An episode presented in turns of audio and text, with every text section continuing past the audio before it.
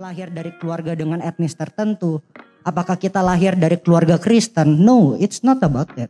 Tapi bagaimana kita bisa mengakhiri hidup kita? Apakah kita benar-benar bisa taat dan setia saat kita mati nanti? Sampai kita nanti mati, apakah kita bisa tetap taat? Apakah kita bisa tetap setia? Itu pertanyaan kan? Bukan dilihat dari bagaimana kita hidup. Tapi bagaimana kita mengakhiri hidup kita? Apakah kita akan dikenal sebagai orang yang taat dan setia? Apa kita akan dikenal sebagai anak yang aburadul?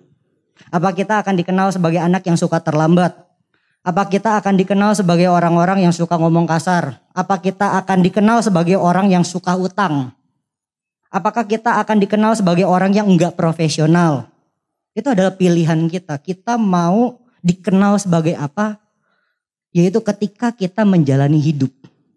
Ketika kita benar-benar menjalani hidup kita, itu satu-satunya cara untuk orang lain bisa menilai kita. Oke. Tuhan Yesus benar-benar udah taat, udah setia. Buktinya mati, buktinya bangkit buat kita. Dan dia udah kasih teladan buat kita. Dia kasih teladan buat kita supaya kita bisa taat dan setia dalam hidup. Boleh di next? Kelihatan? Tidak. Oke, Filipi 2 ayat 5 sampai 8. Boleh dibuka Filipi 2 ayat 5 sampai 8. Oke, saya bacain. Hendaklah kamu dalam hidupmu bersama menaruh pikiran dan perasaan yang terdapat juga dalam Kristus Yesus. Yang walaupun dalam rupa Allah tidak menganggap kesetaraan dengan Allah itu sebagai milik yang harus dipertahankan. Melainkan telah mengosongkan dirinya sendiri dan mengambil rupa seorang hamba dan menjadi sama dengan manusia. Dan dalam keadaan sebagai manusia, ia telah merendahkan dirinya dan taat sampai mati, bahkan sampai mati di kayu salib. Ayat limanya, hendaklah kamu dalam hidupmu bersama menaruh pikiran dan perasaan yang terdapat juga dalam Kristus Yesus. Udahkah kita pikiran dan perasaan sama seperti Yesus? Udahkah kita benar-benar mengikuti kehendaknya Tuhan? Apakah kita udah benar-benar mengikuti jejaknya Tuhan ketika Tuhan Yesus ada di dunia? Itu adalah pertanyaan besar bukan? Kita harus setia karena firman pun berkata, hendaklah kita sama seperti Kristus. Dan dibilang kayak begini, Tuhan Yesus telah mengosongkan dirinya sendiri dan mengambil rupa seorang hamba dan menjadi sama dengan manusia. Kadang kita sering banget diajarin kan, cari jati diri dong. Ayo temukan dirimu lebih lagi. Ayo kita benar-benar menemukan diri sendiri di hadapan Allah. Sebenarnya enggak juga. Perintah Tuhan adalah kita mengosongkan diri. Sehingga Allah bisa mengisi dirinya di dalam hidup kita.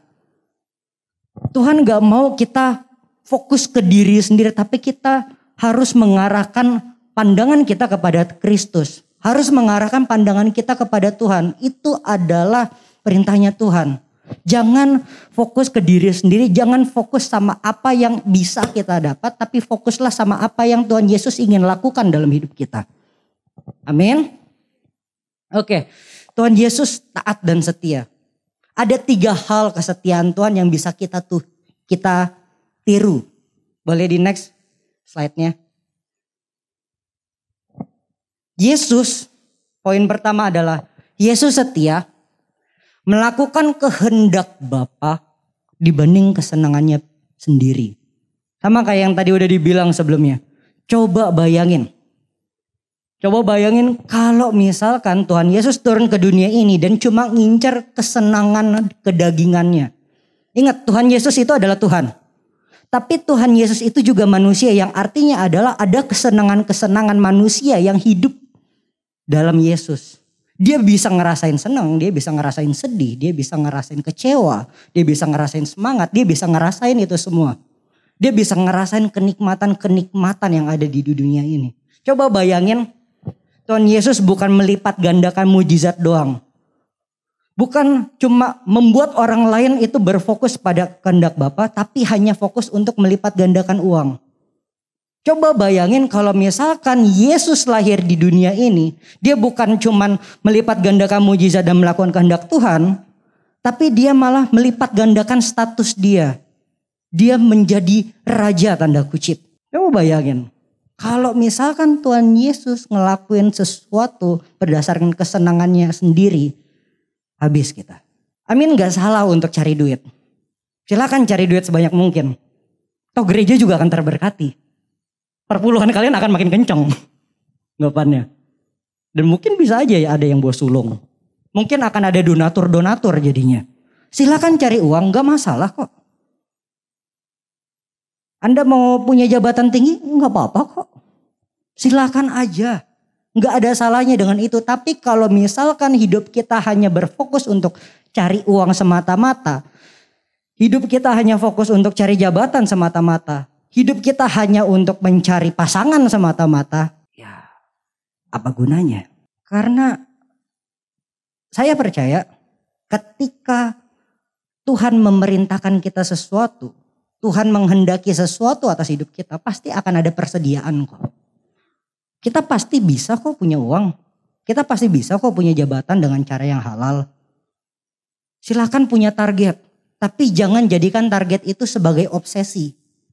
Halalin segala macam cara untuk lakuin itu. Jangan melakukan sesuatu yang bukan kehendak Bapa. Gimana cara tahu kehendak Bapa? Saat teduh. Siapa di sini yang bilang gak bisa dengar suara Tuhan? Semua bisa kok. Suara Tuhan itu hanya sedekat Alkitab. Alkitab itu adalah suaranya Tuhan. Alkitab bukanlah kitab yang menuliskan rasul-rasul zaman dulu, bukanlah sesuatu al suatu buku yang menulis mujizat-mujizat yang telah orang lain lakukan di zaman dulu. Tapi Alkitab adalah surat cintanya Tuhan buat kita. Itu adalah pesannya Tuhan untuk kita. Rajinlah baca Alkitab. Itu adalah pesan-pesannya Tuhan buat kita. Itu Alkitab. Cari kehendak Tuhan. Terus pekakan diri dengan suara Tuhan. Jam doa. Doa. Ketika berdoa sometimes Tuhan bisa ngomong apalagi ketika Anda sudah sering baca Alkitab. Kita akan merasakan hadirat Tuhan lebih gampang. Kita akan bisa mendengar suara Tuhan lebih jelas lagi dari sebelumnya. Cari kehendak Tuhan, baca Alkitab saat teduh. Caranya simpel kan? Tapi gak gampang dilakuin bukan? Gak gampang untuk dilakuin. Tapi lakukanlah. Untuk kebaikan jiwamu untuk kebaikan pikiranmu, untuk kebaikan perasaanmu. Baca Alkitab. Itu sumber kekuatan kita. Amin. Yang kedua, Yesus setia walaupun tidak ada orang lain yang tahu. Eh mungkin ada beberapa orang mikir, ini maksudnya apa? Kan semua orang tahu pekerjaannya Yesus, semua orang kan bisa ngeliat Yesus itu menyembuhkan orang lain. Kan semua orang bisa ngeliat kalau Tuhan Yesus melipat gandakan roti. Melipat gandakan ikan. Dia kasih makan 5000 orang. Dia membangkitkan orang mati. Maksudnya apa? Kok orang lain gak tahu Yesus setia walaupun orang lain gak tahu maksudnya apa sih? Kalau kita baca Alkitab sama-sama dari Matius sampai Yohanes. Ketika Yesus mengumumkan bahwa Mesias akan mati, bahwa Mesias itu harus disiksa, nggak ada satu orang pun yang peka. Maksudnya apa ini? Yesus mati ke dunia ini itu benar-benar pure ketaatannya dia, nggak ada yang mantau sama sekali. Nggak ada yang mantau. Tuhan Yesus bisa benar-benar taat dan setia walaupun nggak ada satu orang pun yang tahu dia harus mati. Malah semua orang berpikir kalau Yesus itu akan turun, dia akan kalahin bangsa Romawi pada zaman itu. Dia akan membuat Israel berjaya lagi. Orang-orang pada berpikir bahwa Tuhan Yesus akan datang dengan penuh kuat dan kuasa. Dia akan hancurin Roma gitu aja dan akan membuat Israel berjaya sekali lagi. Dia akan membuat Israel itu benar-benar menjadi kaya, menjadi negara adikuasa. Tapi Sayangnya bukan begitu seharusnya. Tuhan Yesus tahu dia harus disiksa, dia harus disalib, dia harus mati, dan dia harus dibangkitkan. sometimes kita melakukan sesuatu yang baik ketika kita dipantau doang. Ketika kita dilihat doang, baru kita bikin baik. Kita nggak ngomong kasar, kita nggak ngomong dogi-dogian, kita nggak ngomong sumpah serapah lainnya. Hanya karena alasan, weh ada orang gereja. Weh ada pemimpin komsel gue. Wah ada orang tua gue. Tapi pemimpin komsel, teman gereja, gak selamanya ada di samping Anda. Kita gak selamanya akan terpantau 24 jam. Bahkan di rumah pun ada momen di mana kita di kamar sendiri. Apa yang kita lakukan kalau kita sendiri? Apa yang kita lakukan ketika kita tidak dipantau siapa-siapa? Gimana perkataan kita? Gimana tingkah laku kita? Apakah kita akan melakukan hal yang sama seperti ketika kita dipantau? Jawabannya di diri sendiri. Gak ada yang tahu. Bahkan misalkan kita sama-sama dalam satu perusahaan. Ya saya nggak bisa mantau Anda 24 jam. Kantor gak akan bisa menjadi jaminan di mana Anda akan semakin holy, anda mungkin bilang, ah, kalau gue ada kerja, kehidupan gue pasti berubah. Gue punya uang, gue pasti bisa memuliakan Tuhan lebih lagi. Nyatanya enggak juga. Nyatanya enggak juga. Malah karena udah ngerasain uang, jadi pengen berusaha semaksimal mungkin dapat uang lebih lagi. Halalin segala cara, dipercayain untuk beli apa misalkan. Kita malah bohongin bosnya. Kita malah bilang, ini harganya 2 juta padahal cuma 1 juta. Atau 1 juta 500. Apakah kita benar-benar bisa menjaga integritas kita walaupun tidak ada yang tahu? Yesus udah kasih contoh.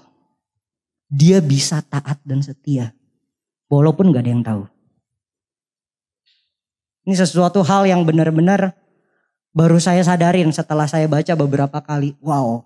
Bahkan ketika Yesus udah mati, Yesus udah dibangkitin, ada aja muridnya yang masih bilang, saya, saya sedang sedih, kita sedang sedih. Tuhan Yesus, Yesus dari Nazaret itu mati. Yesus udah bangkit loh. Yesus lagi ngomong sama mereka. Itu di Lukas. Saya lupa Lukas berapa. Tapi yang pasti ada di Lukas itu. Mau saya cari? itu di Lukas 24. Yesus menampakkan diri di jalan ke Emmaus. Kalau kalian tahu ceritanya pada hari itu juga dua orang dari murid-murid Yesus pergi ke sebuah kampung bernama Emmaus yang terletak kira-kira tujuh mil jauhnya dan mereka bercakap-cakap tentang segala sesuatu yang telah terjadi. Ketika mereka sedang bercakap-cakap dan bertukar pikiran datanglah Yesus sendiri. Yesus udah bangkit mendekati mereka lalu berjalan bersama-sama dengan mereka. Tetapi ada sesuatu yang menghalangi mata mereka sehingga mereka tidak dapat mengenal dia. Yesus berkata kepada mereka, apakah yang kamu percakapkan sementara kamu berjalan? Maka berhentilah mereka dengan muka muram. Yesus sudah bangkit. Tapi mereka masih nggak sadar. Seorang dari mereka namanya Kleopas menjawabnya, adakah engkau satu-satunya orang asing di Yerusalem yang tidak tahu apa yang terjadi di situ pada hari-hari belakangan ini. Katanya kepada mereka, apakah itu? Jawab mereka, apa yang terjadi dengan Yesus orang Nazaret? Dia adalah seorang nabi yang berkuasa dalam pekerjaan dan perkataan di hadapan Allah dan di depan seluruh bangsa kami. Tapi imam-imam kepala intinya dia ngejelasin, tahukah Yesus ngomong, lalu ia berkata kepada mereka, Hai kamu orang bodoh, betapa lambannya hatimu sehingga kamu tidak percaya segala sesuatu yang telah dikatakan para nabi. Bukankah Mesias harus menderita semuanya itu untuk masuk ke dalam kemuliaannya? Bahkan sampai Yesus udah bangkit pun orang masih berkata Mesias akan turun dan dia akan abisin Roma, dia akan membuat Israel hebat lagi. Yesus udah kelarin ketaatannya, dia pun masih ada orang yang bisa salah paham. Gak ada satu orang pun yang tahu Yesus itu harus mati. Tapi Yesus memilih taat untuk mati. Ada perkataan waktu di Taman Getsemani, Petrus potong sebelah kuping seorang Yesus bisa Yesus bilang, "Tak tahukah kamu ada berlaksa-laksa malaikat bisa kusuruh perintahin semuanya mati." Yesus bisa melakukan itu. Yesus bisa untuk tidak mati. Pas dicemooh di kayu salib bisa aja Yesus lepas gitu aja. Habis itu dibilang bantai ini semua. Bisa. Tapi dia memilih untuk taat. Dia memilih untuk setia. Udahkah kita setia? Dalam perkataan kita. Tingkah laku kita. Kebiasaan kita. Atau mungkin kita masih senang untuk melakukan dosa. Kita bisa ngelakuin dosa. Kita tetap bisa. Bahkan ketika kita udah dipenuhi roh kudus, kita bisa tetap lakuin dosa. Tapi kita nggak akan bisa menikmati dosa. Itu bedanya kita dengan orang lain. Kita bisa berdosa, tapi kita nggak bisa nikmatin dosa. Karena roh kudus ada di dalam kita. Amin. Taat. Setia. Dan poin ketiga ini. Ini adalah alasan. Kenapa Yesus bisa taat. Kenapa Yesus bisa setia. Next. Poin ketiga. Ini adalah kenapa Yesus bisa taat Kenapa Yesus bisa setia? Dan ini adalah sumber kekuatan kita untuk kita bisa taat dan setia pada Tuhan. Yesus setia karena dia melihat sesuatu yang tidak terlihat. Bukan setan ya. Saya harus bilang bukan setan. Bukan malaikat. Bukan itu. Bukan hal-hal supranatural lainnya. Bukan itu. Yesus taat dan setia karena dia melihat sesuatu yang gak bisa orang lain lihat secara langsung. Apa itu? Dia melihat kebangkitannya dia. Yesus mau mati, Yesus mau menderita. Kenapa? Karena dia melihat kebangkitannya dia. Yesus mau taat dan setia sampai dia bangkit. Kenapa? Karena dia melihat kita.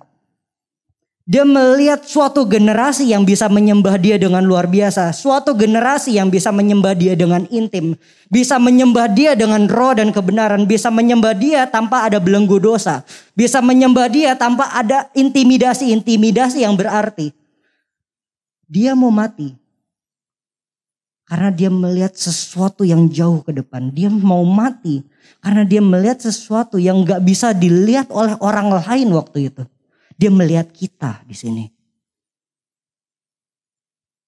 Dia melihat kita berbahasa roh. Dia ngelihat kita bisa jaga kekudusan. Dia ngelihat kita bisa jaga perkataan. Bisa menguasai diri. Bisa menjadi pribadi yang lebih baik lagi.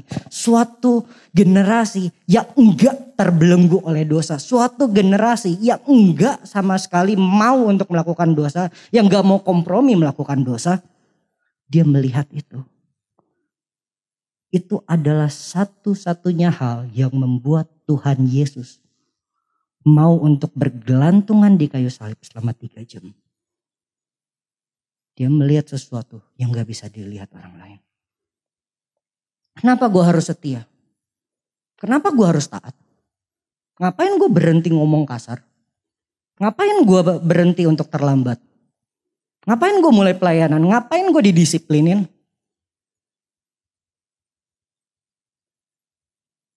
Ngapain? Gak guna. Toh gue ngomong kasar teman gue banyak. Gue mabuk-mabukan teman gue lebih banyak lagi. Gue bisa ke clubbing gue dapat teman baru. Buat apa gue berhenti ngelakuin dosa? Masturbasi enak. Gue bisa mendapat hormon kebahagiaan. Gue bisa happy. Gue bisa lebih relax. Buat apa pacaran yang sehat? Buat apa pacaran yang benar? Atau pacaran yang gak sehat bisa memimpin gue untuk dapat pasangan yang terbaik? Buat apa gue berhenti ngelakuin dosa? Enak-enak aja, hidup gue baik-baik aja. Ngapain gue disiplin baca Alkitab? Toh gue baca buku motivasi juga bisa. Toh gue nge-scroll di sosial media dan gue mendapat quotes-quotes bagus, itu juga cukup. Itu membuat gue termotivasi.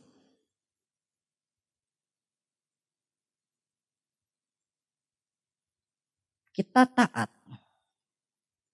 kita setia, dan kita stop ngelakuin itu, mungkin kita nggak akan bisa ngelihat langsung dampaknya. Tapi ketika kita benar-benar taat dan setia, kita akan melihat hasilnya one day. Kapan? Gak tahu. Saya nggak bisa kasih jaminan. Tiga hari lagi kamu akan melihat sesuatu yang besar. Saya bukan dukun. Saya bukan cenayang. Saya nggak tahu masa depan. Tapi Tuhan tahu. Tuhan tahu. Dan mungkin ketika kita taat sama Tuhan, kita akan mengalami kematian. Kematian di hubungan. Kita sama orang-orang bandel. Kita biasa pergi ke clubbing bareng-bareng. Mendadak. Udah. Gue menyerahkan hidup gue pada Yesus. Mendadak teman-teman semua ngeliatin. Gila lu ya. Lu kerasukan apa? Sok suci lu. Ada yang gituin mungkin. Jangan sok alim lah ngapain. Gereja hari minggu aja. Mungkin akan ada mengalami hal-hal seperti itu. Anda dihina, Anda dicaci, Anda dimaki. Dan mungkin Anda akan ditinggalkan.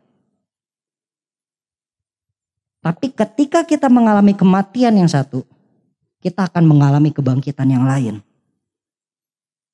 Saya ada beberapa yang meninggalkan saya pas saya benar-benar komitmen untuk gak ngomong kasar. Saya komitmen untuk nggak pulang malam ke tempat hal yang nggak berguna. Saya ditinggal.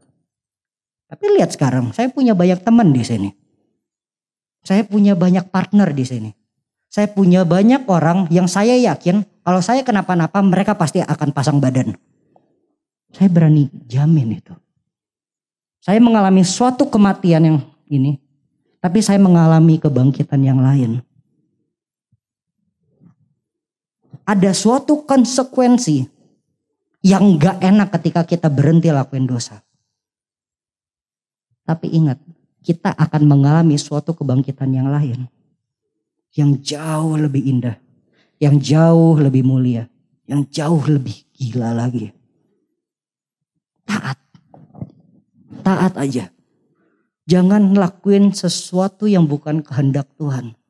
Cari tahu terus kehendak Tuhan peka-pekaan dengan suara Tuhan. Bayar harga. Walaupun harus berdarah-darah sekalipun, ikutin kehendak Tuhan. Kalau kita belum netesin darah kok untuk taat. Terus lakuin kehendak Tuhan. Walaupun gak ada yang tahu, walaupun gak ada yang mantau, walaupun gak ada yang perhatiin. Tetap taat. One day akan ngerasain dampaknya. terus lakuin. Karena ada sesuatu hal yang mulia yang gak bisa kita lihat sekarang. Tapi akan kita lihat nanti. Next. Mari kita buka sama-sama di 2 Timotius 2 ayat 4. Pada bisa baca? Tidak? Oke saya bacain. 2 Timotius 2 ayat 4. Seorang prajurit yang sedang berjuang tidak memusingkan dirinya dengan soal-soal penghidupannya. Supaya dengan demikian ia berkenan kepada komandannya. Kita mau taat, kita mau setia, gak usah pusing. Gak usah pusingin apa yang orang lain akan pikirkan tentang kita. Gak usah pusingin apa yang mungkin akan terjadi pada diri kita. Taat-taat aja.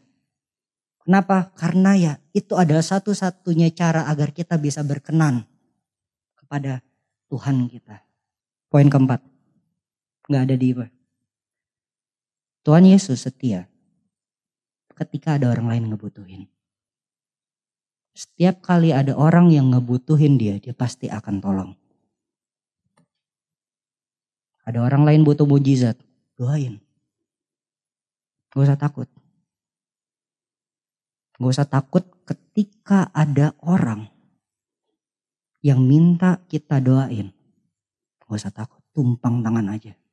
Bukan kita yang hebat. Yang menyembuhkan bukan kita kok. Ingat baik-baik, pelayanan kesembuhan, pelayanan kelepasan itu bukan karena Anda hebat. Bukan karena saya hebat, bukan karena kita hebat. Tapi karena Tuhan yang hebat. Karena nama Yesus yang membebaskan, karena nama Yesus yang menyembuhkan, bukan karena kuat dan kuasanya kita. Ada orang lain lagi butuh keuangan. Jangan cuma tumbang tangan. Jangan cuma tumbang tangan. Oh roh kemiskinan aku tengking dalam nama Yesus. Pinjemin uang. Kalau bisa kasih uang. Lihat kebutuhannya orang lain setia. Penuhi kebutuhan orang lain. Ada orang lain butuh bantuan. Taat dan setia. Ada orang lain melukai kita. Ada orang lain mungkin menyakiti kita. Dia minta maaf dengan sungguh-sungguh. Maafin. Gak tahu kenapa mau ngomong ini. Tapi ada beberapa orang yang mungkin perlu dengar itu. Mungkin Anda kecewa dengan beberapa orang.